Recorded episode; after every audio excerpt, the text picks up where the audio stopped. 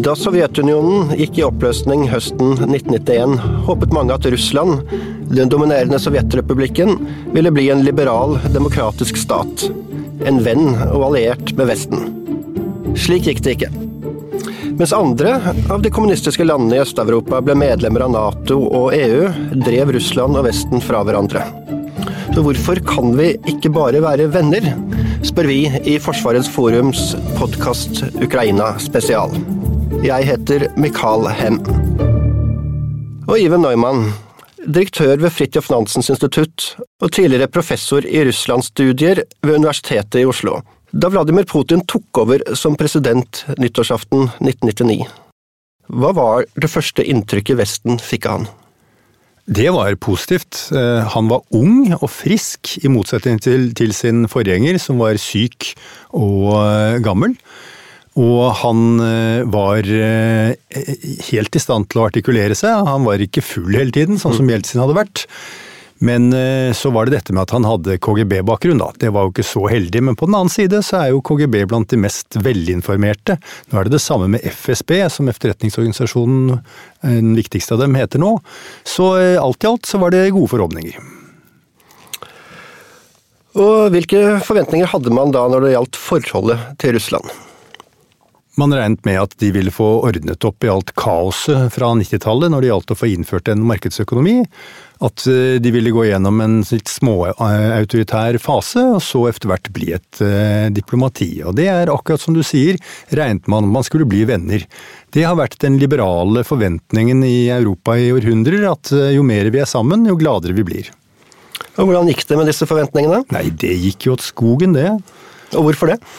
Jo, fordi eh, Putin eh, Det er selvfølgelig flere grunner, men den viktigste grunnen tror jeg rett og slett er at Putin ville at Russland skulle bli anerkjent som en stormakt. Og for å bli anerkjent som et stormakt i en verden dominert av demokratiske, kapitalistiske stater, så må man være på vei til, eller ha blitt, en demokratisk, kapitalistisk stat. Det er ganske vanskelig å bli anerkjent på annet vis. Og eh, det klarte ikke Putin. Det beste eksempelet er da Putin til tross for at økonomien hans var liten, fikk være med i G7, sånn at G7 ble G8, hvor altså de sterkeste økonomiene i verden fra demokratisk kapitalistisk side. Og Russland ikke klarte å levere og ikke ville følge de reglene som ble satt opp. Og dermed så åkte de jo ut igjen.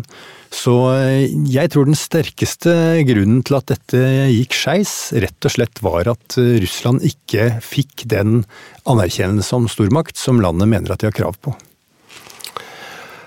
Og Du sier jo også at uh, Russland ikke ble demokratisk. hva, Hvorfor skjedde ikke det? Hvorfor ble det ikke en del av den liberale, demokratiske klubben av nasjoner? For det første må vi huske at det å være et demokrati er et verdenshistorisk unntak. Den, den uh, regelen er at man har en sterk mann som styrer, og det gjør han ved hjelp av et tvangsapparat. Militær, politi, ting innimellom. En del ekstra etter hvert.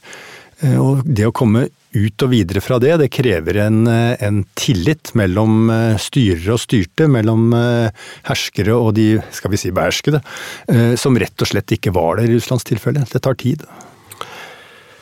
Og Vi kan jo også si litt om eh, forholdet mellom den tidligere amerikanske presidenten George W. Bush og Vladimir Putin. For eh, Bush sa i 2001 at eh, etter å ha møtt Putin, så fikk han innblikk i Putins sjel. Og senere samme år så var Putin den første statslederen som ringte Bush og kondolerte med 11. september og terrorangrepene mot USA den gangen. Var det genuint varme følelser mellom statslederne, eller var dette ja, Hvor genuint varme de var, vet jeg ikke, men de hadde iallfall noe som er et enda bedre grunnlag for to stater å samarbeide på, nemlig felles interesser. Begge to var veldig klare for å ta rotta på internasjonale terrorister. Så Putin tilbød seg å hjelpe til med det, stilte til og med flyplasser til disposisjon, og det var et, et bra øyeblikk. Det var jo helt på begynnelsen av hans styre. Og så kom den amerikanske invasjonen av Irak i 2003. Og hvordan reagerte Putin på det? Han reagerte svært negativt. Fordi dette så han som eh, enda et eksempel på at USA tok seg til rette rundt omkring i verden og tvang regimer som ikke ville være demokratisk eh, kapitalistiske, inn i folden med eh, makt. Og det var Putin ikke spesielt glad for. og En lesning er jo at han var det fordi han ville ha den opsjonen. Det ville nok være å tenke litt grann for, eh, for raskt, tror jeg. Men eh, det at Putin var veldig mot en såkalt unilateral verden, altså en verden hvor USA satt som den eneste eh, polen eller eneste makten i verden, det var Russland konsekvent imot. Og det altså, tror jeg lå i bånn der også, at USA ikke skulle få breie seg. Og Russland og Putin, som da ikke vil ha en eh, unilateral verden, de ser på seg selv som en motpol som kan være den som demmer opp for dette. Men er det i realiteten en makt som er sterk nok til å være en slik stormakt? Det er Kina som er eh, supermakten ved siden av USA nå, har vært en stund. Eh, Russland er jo en meget viktig regional makt, både i Europa og i Asia. De er unike på den måten, men eh, Russland har rett og slett ikke verktøyene i kassa til å være en, en makt på linje med Kina og USA i verden. De har ikke penger nok, de har ikke softpower nok, de har rett og slett ikke kulturell kapital nok. Det de har, det er atomvåpen, militærmakt og desinformasjon. Og det kommer man jo et stykke med, men man vinner ikke noe hats and minds på den måten der, altså. Når det er såpass store motsetninger mellom Russland og Vesten, altså er det kan du peke på noen forskjeller i kultur? Er det noen forskjeller i tankegang, historie, som gjør dette, eller er det bare at det er vanskelig å skape et demokrati av en autoritær stat? Store forskjeller i kultur og såkalt stiavhengighet. At eh, når det har vært sånn, så forblir det sånn. Det trenger ikke å forbli sånn, men eh, det skal skje noe viktig for at det ikke forblir sånn. Og I Russland så er det denne store, sterke mannen på toppen veldig mye dreier seg om. Når man skal få til noe, f.eks., så forsøker man å snakke til lederen ved å forandre hans mening. Man sier ham ikke imot. Det er en, en kultur. Og Her er det et samspill mellom det sosiale laget og det politiske laget. Fikk et typisk eksempel for noen år siden eh, en av mine sønner spilte en fotballkamp på Ekebergsletta. Så var det et, eh, et russisk lag som tapte en kamp, og da gikk eh, gutta, og da snakker vi altså elleveåringer, løs på lag, motlaget med knyttnevene. da. Det er ikke den store nyheten, fordi vi husker jo hvordan det var når man var elleve. Det hendte at naturen gikk over opptuktelsen. Det som var interessant, var at den russiske treneren bare trakk på skuldrene, for dette var jo vanlig. Så i Russland så er det greit at man bruker nevene når man taper. I Norge er det et absolutt tabu. Sånn at man har et litt mer skal vi si, avslappet forhold til bruk av, eh, av vold. Både på sosialt nivå og på politisk nivå. Et annet eksempel er jo at eh, den russiske dumaen eh, mente det var helt greit at menn slår sine koner. Så lenge de ikke blir så syke at de må på sykehuset, så må jo det være fint. Det er bra for familieverdiene. Har Putin endret seg noe siden han kom til makten? Dette tror jeg er clouet. Altså det er en klassisk felle for, eh, for, despoter at eh, de blir mer og mer avsondret fra verden rundt seg. De vil høre eh, bekreftelser på hvordan de tror verden er. De vil ha folk som er enige med dem.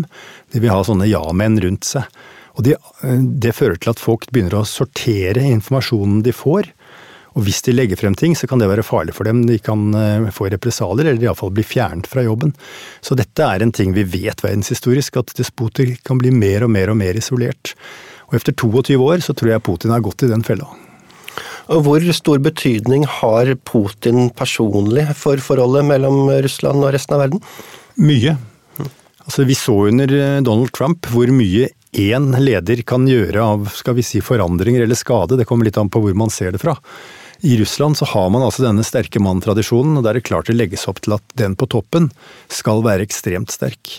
Vi ser det i Tyrkia, vi ser det i Kina, vi ser det i Russland, at eh, det som skjer er at lederen har Han er en patron, eller altså en, en som, eh, som, passer på, og så har han klienter. altså de menneskene han passer på. Og de gjør ting for han, og sånn så de, kommer de lenger og lenger opp i systemet. Og Etter 22 år så er jo hele toppen av russisk politikk, og det inkluderer økonomi, for dette er Russland, de skylder jo Putin personlig sine stillinger. Og Da blir det lite dynamikk og lite fres. Altså, let etter kvinner og unge menn i, i toppen av russisk politikk. De er ikke der. Og nå har altså Russland invadert eh, Ukraina. Hva, hva vil det, hvilke konsekvenser vil det få for forholdet mellom da, Russland og resten av Europa i årene fremover? Dette er helt ødeleggende. Så jeg skrev min første doktorgrad om forholdet mellom Russland og Europa og viste at eh, dette hadde gått i bølger. Man må være veldig positive til Europa, prøve å kopiere og være venner med, og så avvisende. Og nå går vi inn i en historisk lav og avvisende eh, fase i forhold til Europa, som så på et eller annet tidspunkt vil, eh, vil snu sånn at man vil kopiere Europa igjen, slik man ville på 90-tallet.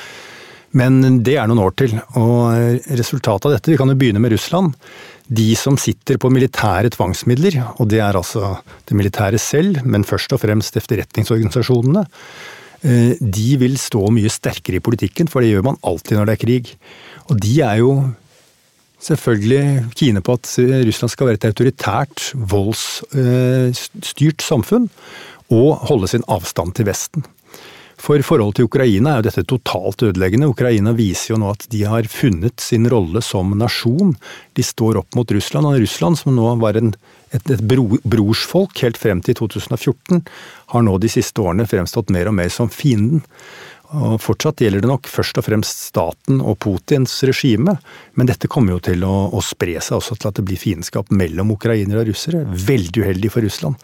En av de tingene Russland ville unngå med denne krigen. Og i forhold til Europa er jo altså Man ser jo nå at eh, det kanskje aller viktigste som har skjedd utenfor Russland og Ukraina selv i denne krigen, er at Tyskland har snudd 180% De har lagt sin efterkrigshistorie bak seg og sier at dette må vi stå opp mot.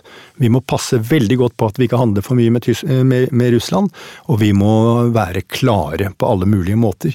Dette er et skifte i den europeiske orden. Jeg tror ikke nødvendigvis det vil få store effekter internasjonalt, for der er spørsmålet mer i forholdet mellom Russland og Kina. Det er fordi Kina er det helt sentrale, men i europeisk politikk er dette en helt avgjørende viktig endring. Og Hva betyr det for vår sikkerhet som vesteuropeere? Dårlig nytt. Russerne kommer nærmere, de er mer aggressive. De har mindre å spille på, så de vil derfor spille mer på, på det de er sterke på, nemlig militærmaktmidler og desinformasjon. Blir det en ny kald krig? Det er allerede en, en, en, en krig, og det, problemet er jo ikke om, den, om, det er en ny kald krig, den er det, men om den kalde krigen vil bli varm. Og det avgjøres jo mens vi snakker, på grensen til Polen. Er det noe vi kan gjøre for å stoppe eller snu utviklingen?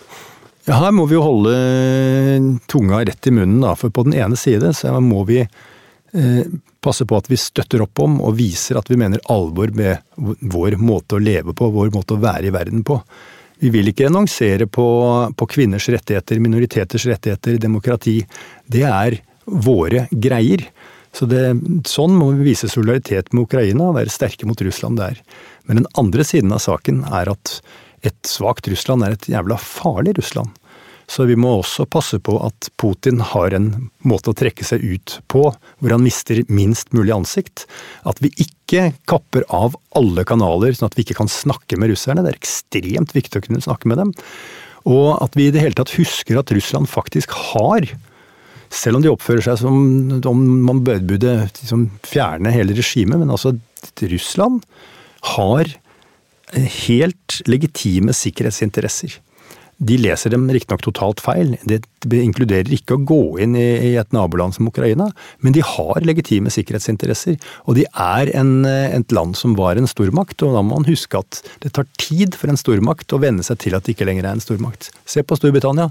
Vi trodde at alt var greit, og at de hadde avviklet det der stor, stormaktskomplekset eh, etter at de tapte sitt imperium på 60-tallet, men jaggu meg så kom det opp igjen med brexit. Så eh, la oss nå huske det at, eh, at, eh, det er ikke noe snakk om å feie Putin og hans regime på sjøen her. Eh, selv om det jo i og for seg ville vært et hyggelig sted å ha dem.